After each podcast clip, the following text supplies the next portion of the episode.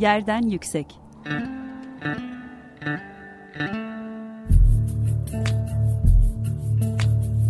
Kentin kent aşırı gündemi Hazırlayan ve sunanlar Gizem Kıygı ve Mehmet Kentler.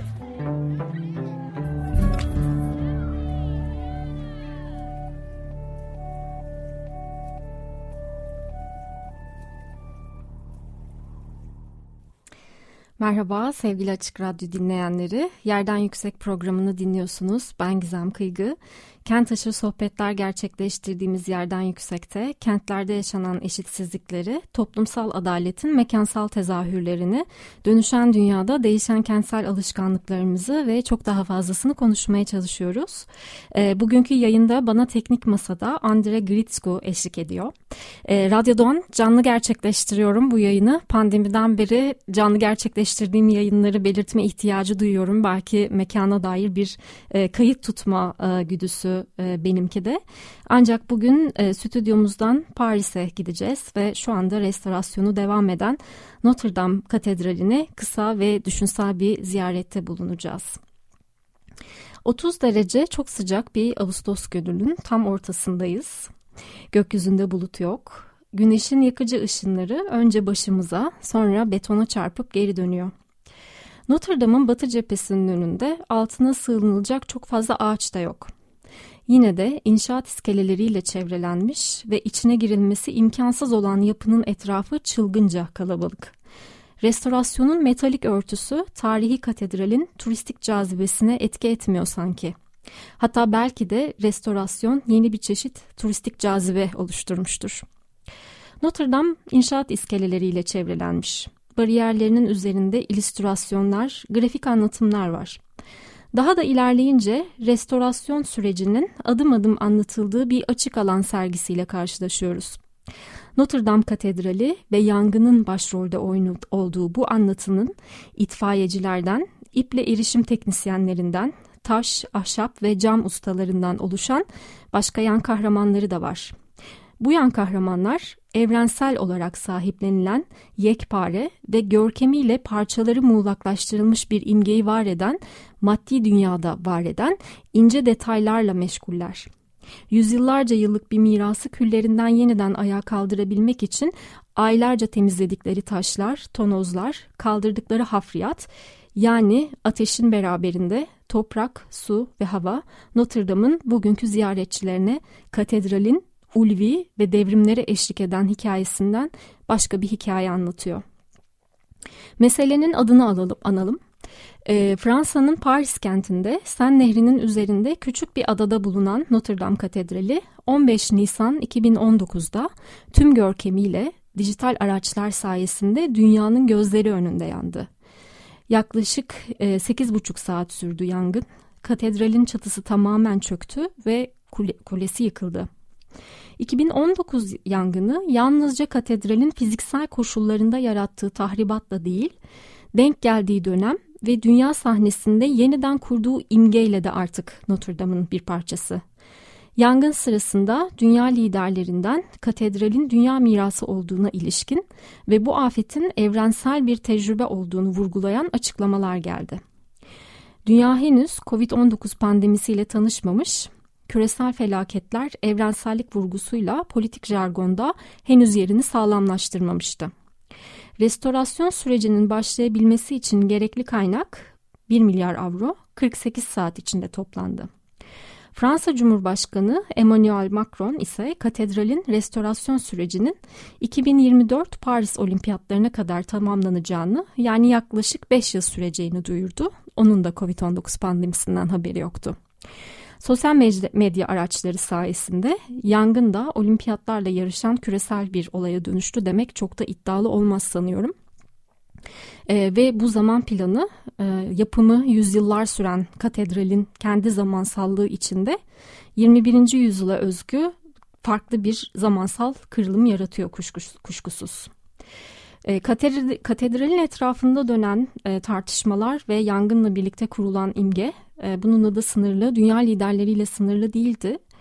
Yangından birkaç gün sonra iklim aktivizmi, aktivisti Greta Thunberg Avrupa Parlamentosu'nda yaptığı konuşmada Notre Dame yangınının iklim krizi için bir metafor olarak kullandı ve komiteyi iklim kriziyle mücadelede katedral thinking yani şöyle çevirebiliriz aşağı yukarı yangına müdahalede geliştirilen tırnak içinde evrensel hareket etme kabiliyetini kullanma becerilerini e, kul, e, çağırmalarını teşvik e, etti. Bunu vurguladı.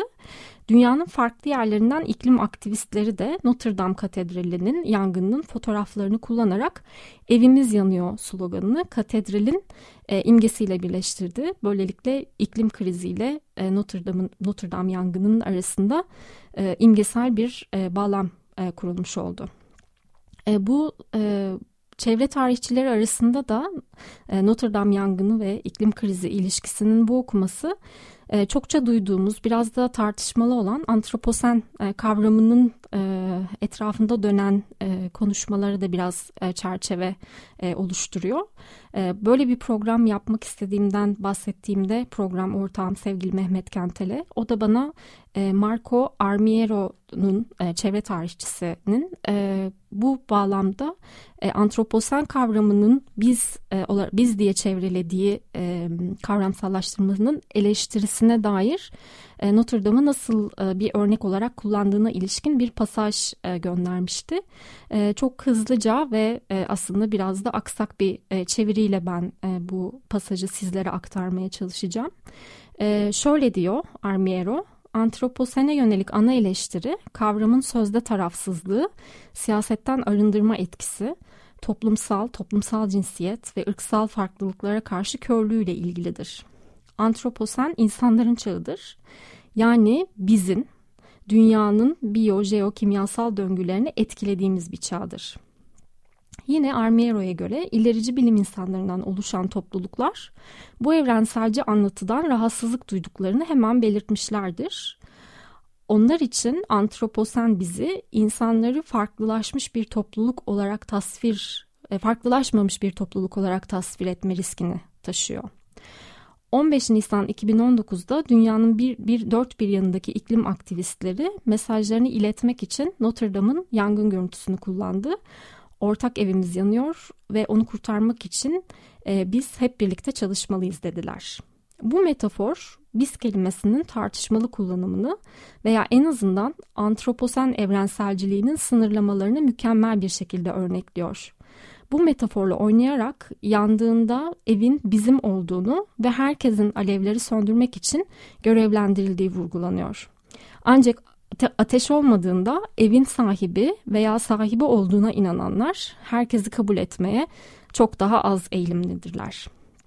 Bu söylemleri arka arkaya sıraladığımızda e, Notre Dame'ın 21. yüzyılda özellikle felaketler döneminden geçtiğimiz e, çağımızda belki e, içinden geçtiğimiz zamanın ruhunda bu şekilde adlandırmak, adlandırmak belki fazla iddialı görünüyor olabilir. Daha önümüzde gelecek yılların bize neler getireceğini bilmiyoruz ama yine de özellikle pandemi dolayısıyla aslında çevresel faktörlerin insan hayatına e, ve e, politik arenaya nasıl söylemsel düzeyde de etkilediğini ve insanları ortaklaştıran deneyimlerin e, farklılıkları e, bir pota içerisinde eriterek yeni bir evrenselcilik tanımıyla nasıl e, farklılaş, e, farklılaşan e, eğilimleri, farklılaşan oluş hallerini e, homojenleştirdiğine dair bir e, eleştiri var.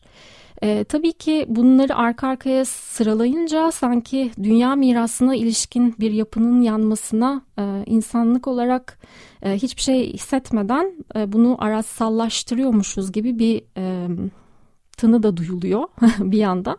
Ama aslında öyle değil. Yani e, hem kendi tecrübemden hem de pek çok insanın e, yangın sırasında bana yazdıklarından e, dünyanın yüzyıllarca yıl, yüzyıllardır orada duran e, bir yapının e, e, küresel olarak e, hepimizin zihinlerinde bir resme sahip olan ve aslında bir noktada da orada durduğuna emin olduğumuz bir e, yapının yangınına tanıklık etmek e, bir afet tecrübesi ve kesinlikle bizim hafızamızda da e, içimizde de düşünsel sürecimizde de bir e, duygu uyanışı e, na yol açıyor. Zaten e, belki olimpiyatlarla bile e, bütünleştirilen bu e, küresel çağrının e, diyelim karşılık bulması da aslında bizim hafızalarımızda e, yer eden ve paylaştığımız bu ortak e, kayıp duygusu. E, buradan biraz e, hem e, katedralin çevresindeki e, sergiyi gezerken hem de oradaki turistlerin aslında katedralin restorasyon sürecine duyduğu ilgiyi gözlemlerken kolektif ballek üzerine çalışma, çalışmalar yürüten yine bir Fransız düşünürün Maurice Halpwash'ın kolektif ballek kitabını aklıma getirdim ve bu kitaptan bir parça paylaşmak istiyorum sizle.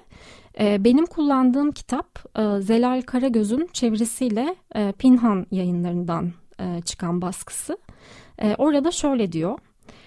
Ee, insanları duvarlar ve evler ayakta kaldıkça hiçbir şeyin tamamen kaybolmadığına inandıran şey taşların kayıtsızlığı ile teslim oldukları karşı, kargaşa arasındaki tezat mıdır?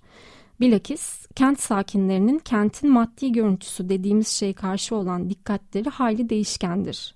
Ve şüphesiz aslında pek çoğu oldukça ciddi milli, dini ve siyasi olaylara kıyasla bir sokağın, bir binanın ya da evin yok oluşuna karşı çok daha hassastır. Bu nedenle insanlardan ziyade taşlara daha bağlı olan halk kategorilerine geçtiğimizde kentin görünüşünü değiştirmeden toplumu derinden sarsan olayların etkisi zayıflar.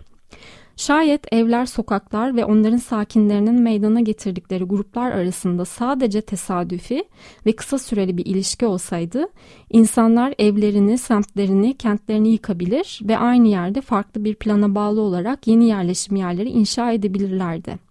Ancak taşları taşımak mümkün olsa bile taşlar ve insanlar arasında kurulmuş olan ilişkileri değiştirmek o denli kolay değildir. Beşeri bir grup alışkanlıklarına göre şekillendirdiği bir yerde uzun süre yaşadığında sadece hareketleri değil, düşünceleri de ona dış nesneleri temsil eden maddi imkelerin birbirini takibine göre düzenlenir. Bu nesneler kısmen ortadan kaldırılabilir, yönleri, yönelimleri, biçimleri, görünümleri değiştirilebilir.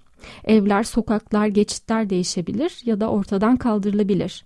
Yahut birbirlerine göre sahip oldukları yer değiştirilebilir. Taşlar ve malzemeler buna direnemezler. Ancak gruplar direnirler ve burada söz konusu olan grupların taşlar ile olan ilişkilerinin direncidir. Şüphesiz değişimden önceki bu düzen de bir grubun eseridir ve bir grubun inşa ettiği şey başka bir grup tarafından yıkılabilir. Ancak eski insanların tasarısı maddi bir düzende yani bir şeyde vücut bulur ve yerel bir geleneğin gücü de imkesi olduğu şeyden gelir. Kuşkusuz gruplar bütün parçalarıyla eylemsiz maddeyi taklit ederler. E, aslında e, bu e, pasajı Notre Dame'ın 19. yüzyıldan daha ötesine uzanan belki hem Fransız ihtilaline hem Paris Komünü'nün aktivitelerine de uzanan bir tarihsellikte okumak mümkün.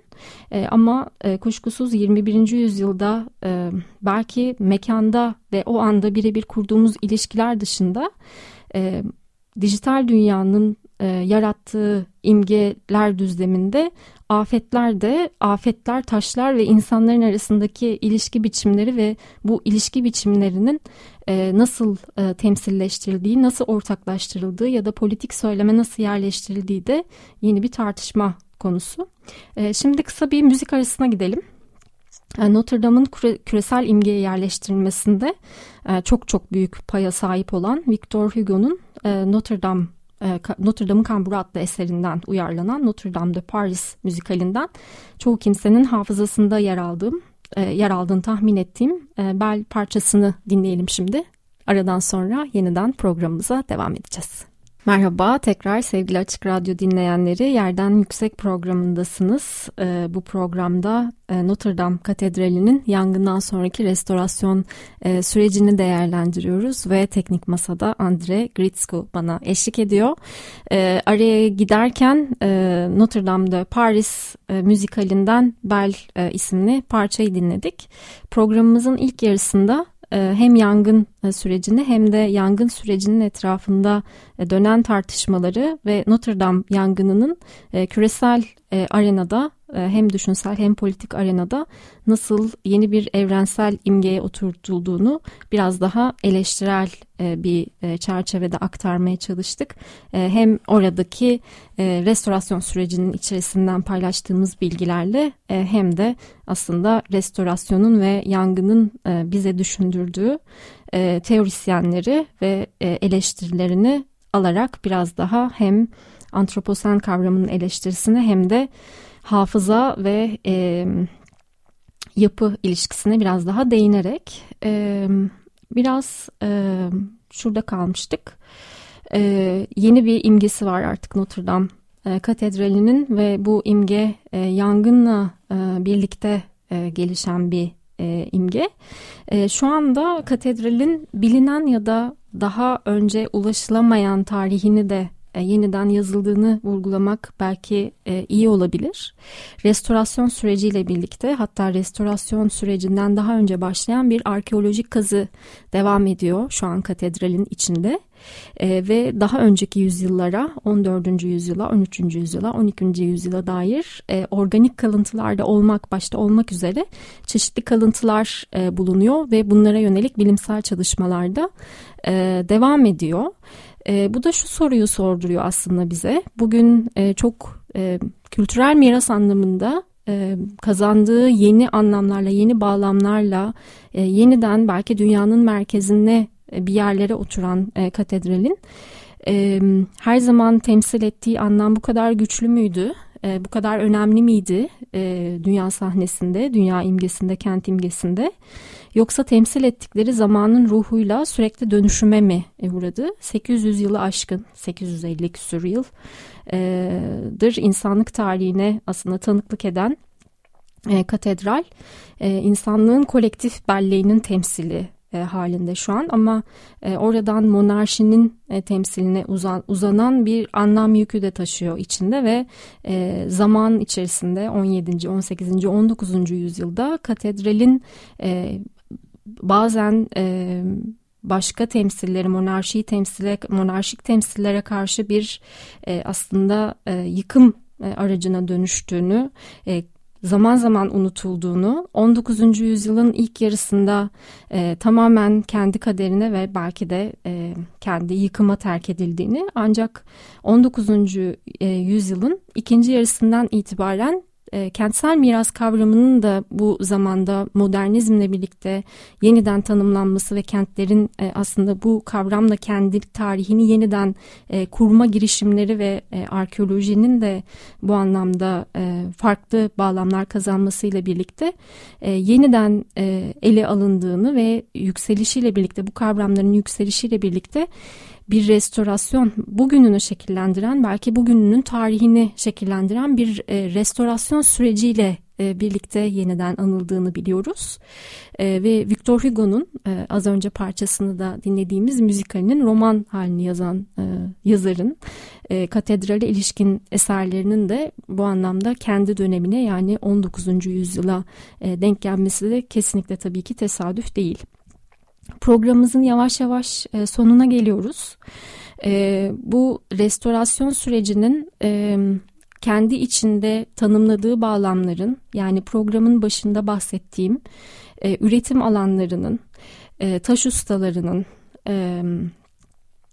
ahşap ustalarının, oradaki temizlik, hafriyat çalışmalarının e, bu şekilde bir temsil aracı haline getirilmesi kesinlikle günümüz mekan üretim pratiğine özellikle e, bir uzay boşluğu içerisinde dijital araçlara e, hapsolmuş mekan üretim pratiğinde başka bir e, mesleki bilgiyi, birikimi ve başka aktörleri de e, bize hatırlattığını vurgulayarak biraz daha kapatmak e, istiyorum. E, bahsettiğim bu yan kahramanlar, iple erişim teknisyenleri, taş, ahşap ve cam ustaları yoğun bir şekilde restorasyon sürecinde de, e, çalışmaya devam ediyorlar.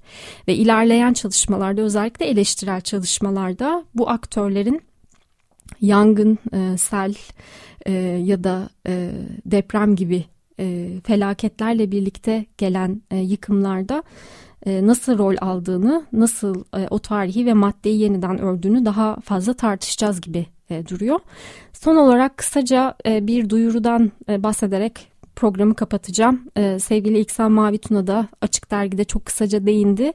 Ben bu içeriği tasarlarken Arter'de e, Bill Fontana'nın e, Notre Dame Katedrali'nin e, sessizliğine ithafen e, oluşturduğu 10 adet e, çan sesini e, yeniden e, duyulur kıldığı e, işi şu anda Arter'de e, ziyaretçilerini e, bekliyor. E, bunu da e, duyurmuş olalım. Arter binasının eksi üçüncü katında e, konumlandırılan on hoparlörlerle Notre Dame'ın e, çan e, seslerini e, sessiz yankılar e, isimli işte e, duyabilirsiniz. Çok teşekkürler dinlediğiniz için. 15 gün sonra yeni bir programda görüşmek üzere. Hoşçakalın.